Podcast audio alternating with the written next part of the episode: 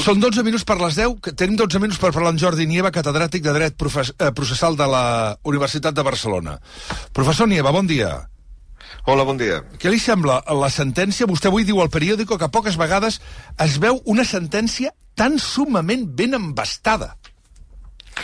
Efectivament, és una cosa que com a professor de dret processal em va fer il·lusió de llegir perquè és una gran feina del, del sobretot del jutge ponent, del magistrat ponent, que ha fet aquesta sentència i també, lògicament, de la deliberació dels altres dos companys, no? Però és que poquíssimes vegades es troba una sentència amb la qual el jutge no et digui doncs bé, aquest testimoni ha declarat això i semblava que ho ha fet bé, semblava que ha estat contundent, semblava que ha estat vehement, no s'ha contradit. Clar, tot això són generalitzacions, fins i tot elucubracions, sobre si una persona diu la veritat o no. Aquí no, aquí el que fan és veritablement destripar les declaracions de totes les persones rellevants que han estat interrogades en aquest procés i busquen un element objectiu per donar suport a allò que diuen aquestes persones. I llavors diuen, escolta'm, ha dit això, tenim un element eh, objectiu per donar credibilitat a això?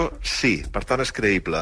No el tenim? No és creïble. I per tant apliquem la presumpció d'innocència, que és el que pertoca en aquests casos. Mm. És a dir, és veritablement una sentència com jo poques vegades havia vist en aquest país, realment. Val. Em pot explicar la gent per què una sentència que és tan contundent amb, la, amb, la, amb el que es diu, és a dir, recordem, eh, per exemple, eh, diu este tribunal ha alcanzado la convicción sobre los hechos al haber valorado positivamente la declaración testifical en el acto del juicio oral de la víctima conjuntamente con otras pruebas que corroboran su relato.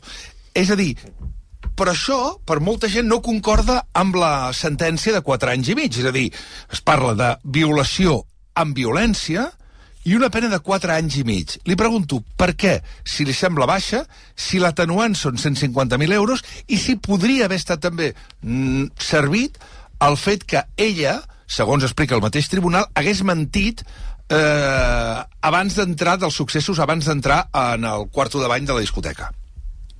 Clar, tot això té un pes pel tribunal de cara a considerar, doncs, efectivament, si ha estat una violació menys violenta o més violenta, reconeixent sempre que la violació, doncs, tal i com l'han qualificat, és, és violenta. El que passa és que, clar, a l'hora d'aplicar la pena, què és el que fan? Primera, eh, no apliquen el Codi Penal actualment vigent, sinó la primera versió de la reforma del solo sí és sí, que baixava la pena, si us recordareu, a 4 anys de pena mínima, no? Llavors li apliquen aquesta, que ara serien 6 anys, eh? I ara sí, o sigui, si, hagués, si, si el fet hagués estat comès, en, estar en vigor la versió actual del Codi Penal, la pena mínima serien 6 anys i és el que li, li hagués correspost. Per tant, eh, li posen aquesta pena mínima i una mica més, i jo crec que el tribunal té present el fet de que tot el que la noia havia dit en el sentit de que hi havia una actitud doncs, recalosa d'ella envers amb ell, que no s'havia acostat, etc. Clar, tot això ha quedat desmentit pels, pels videos, no? que, en el qual s'observa una actitud que és diferent a aquesta que s'havia explicat. No? I després hi ha una altra cosa que jo crec que ha, ha pesat molt amb el tribunal. Ella havia dit que no havia tingut un contacte sexual íntim amb ell i en canvi hi ha una prova d'ADN uh, d'un frotis bucal d'ella, i no em feu que entrem, que entri en detalls, però ja us podeu sí, imaginar. Ja imaginar uh, sí. Exacte, que uh, evidencia que efectivament aquest contacte és molt probable que s'hagi produït. I clar, i un tribunal davant d'això no pot ignorar una, algú, uh, uh, quelcom tan contundent, no? Després una altra cosa és que, clar, què passa? Que quan es tanca la porta, doncs efectivament allà es produeix l'agressió i això el tribunal s'ho creu i ho dedueix del fet de que la noia té una ferida amb un genoll que no s'acostuma a fer voluntàriament ni per accident ni molt menys, però després el que sí que té és un estat d'agitació nerviosa brutal, que home, que això no passa si no t'han fet una agressió com aquesta que està descrivint la noia. I això és el que li serveix al tribunal per donar-li credibilitat a tot plegat. És a dir, que el que veu el tribunal és que havia estat una relació sexual consentida fins gairebé que es va tancar la porta i quan es tanca la porta allà comencen a passar coses que la noia no vol, diu que no i malgrat tot doncs eh, l'agressor continua I això, evidentment, és violació.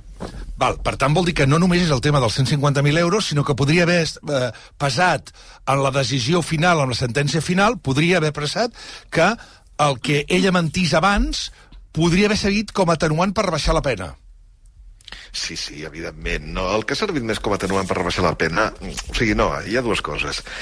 Tot el que jo he dit és el que conforma la convicció del tribunal, en el sentit de dir, escolta'm, això ha passat o no ha passat? I ha passat com ha dit la víctima o com ha dit l'agressor o ha passat una, una història diferent. Després una altra cosa és l'aplicació de l'atenuant. L'aplicació de l'atenuant què passa? que Dani Alves el que va fer, i això és un molt bon consell de la seva, de la seva advocada, va pagar la indemnització a les primeres de canvi. Va dir, escolta'm, això quan és? Tant ho paga i, a més a més, fa una indemnització que és molt superior a la que s'acostuma a imposar en aquests casos, que acostuma a ser de 50, entre 50.000 i 100.000 euros. Aquí ell posa 150.000. I clar, i el tribunal, doncs, home, aquí està lligat de mans i peus. És a dir, no pot dir no s'ha reparat el dany, no. Si el dany costa això i, i ho tenim reconegut per la jurisprudència que efectivament costa això i resulta que el reu, doncs, diposita aquesta quantitat, és que el Codi Penal m'obliga aplicar aquesta atenuant i, per tant, és el que fan. Uh, queden 5 minuts. Uh, encara, encara hi hauria alguna pregunta que li voldria fer. Em sembla que la Glòria també. Glòria, digues. Sí, bon dia, senyor Nieva. La mateixa, similar que li he fet a Irene Montero. És, en aquí tenim un cas molt exemplar per la profusió de declaracions, dades, gravacions, protocols aplicats, eh, les pròpies contradiccions de l'acusat. És a dir, hi ha molts elements probatoris que han ajudat a aquesta sentència, més enllà de l'encert de del jutge. Però què passa quan no es donen totes aquestes condicions. Jo estava pensant un cas que podríem dir similar. Una parella que està tenint relacions i mm, ell, en un moment determinat, demana una penetració anal que ella no vol i malgrat tot ell segueix endavant. És a dir, hi ha hagut una relació prèvia consentida, però a partir d'un cert punt no segueix aquest consentiment. Què passa quan, en un cas així, que només hi ha la meva paraula contra la de l'altra persona, sense tots els elements probatoris que estem parlant, vostè creu que ens trobaríem una sentència similar? Ho dic pel record terrorífic que tenim d'altres sentències, per exemple, la de la manada, en la qual hi havia un jutge que va fer un vot particular de que una dona pot disfrutar durant una violació, per exemple. Clar, a la sentència de la manada aquell vot particular va ser repugnant, senzillament. I ho, ho dic clarament com ho penso perquè és el que vaig pensar quan ho vaig llegir en el seu moment. Però no, el que ens hem d'oblidar és que en aquests casos és només la paraula de la víctima contra la paraula de l'agressor. No, sempre hi ha elements perifèrics que és els que s'han d'estudiar en aquests casos per veure, doncs, a qui creus, no? Partint de la base de que ningú, ningú tenim la capacitat paranormal, tampoc els jutges, insisteixo, paranormal, de mirar-li algú a la cara i saber si menteix o diu la veritat per la seva mm. gestualitat o pel que sigui. És que això no existeix, és una convicció molt estesa a la societat, però no existeix. Per tant, el jutge, si vol condemnar, mm, clar, no ho pot fer sense proves. És a dir, ha de tenir elements objectius que li facin desvirtuar la presumpció d'innocència, que és un dret que tenim tots. És a dir, aquí la gent s'ha d'imaginar més, no amb la pell de la víctima, sinó amb la pell de que algun dia algú el pogués acusar acusar falsament d'alguna cosa. Doncs bé, un cop que tu tens allà a una persona i a l'altra, és a dir, al suposat agressor i a la suposada víctima, llavors has de buscar elements perifèrics que et facin mm. pensar que efectivament allò va passar. Quins són aquests elements perifèrics? No em referiré a les possibles lesions, perquè moltes vegades no hi ha lesions, Clar. evidentment, no? com per exemple amb això de la penetració anal, si estava en el marc d'una relació sexual, doncs és molt probable que no hi hagi cap mena de lesió. Però després sí que hi ha un impacte psicològic d'allò que ha passat, no? i aquest és un impacte que poden avaluar els psicòlegs en una entrevista cognitiva i que en el cas de la noia de la manada, per exemple, era molt evident que estava destrossada després del que havia passat, no?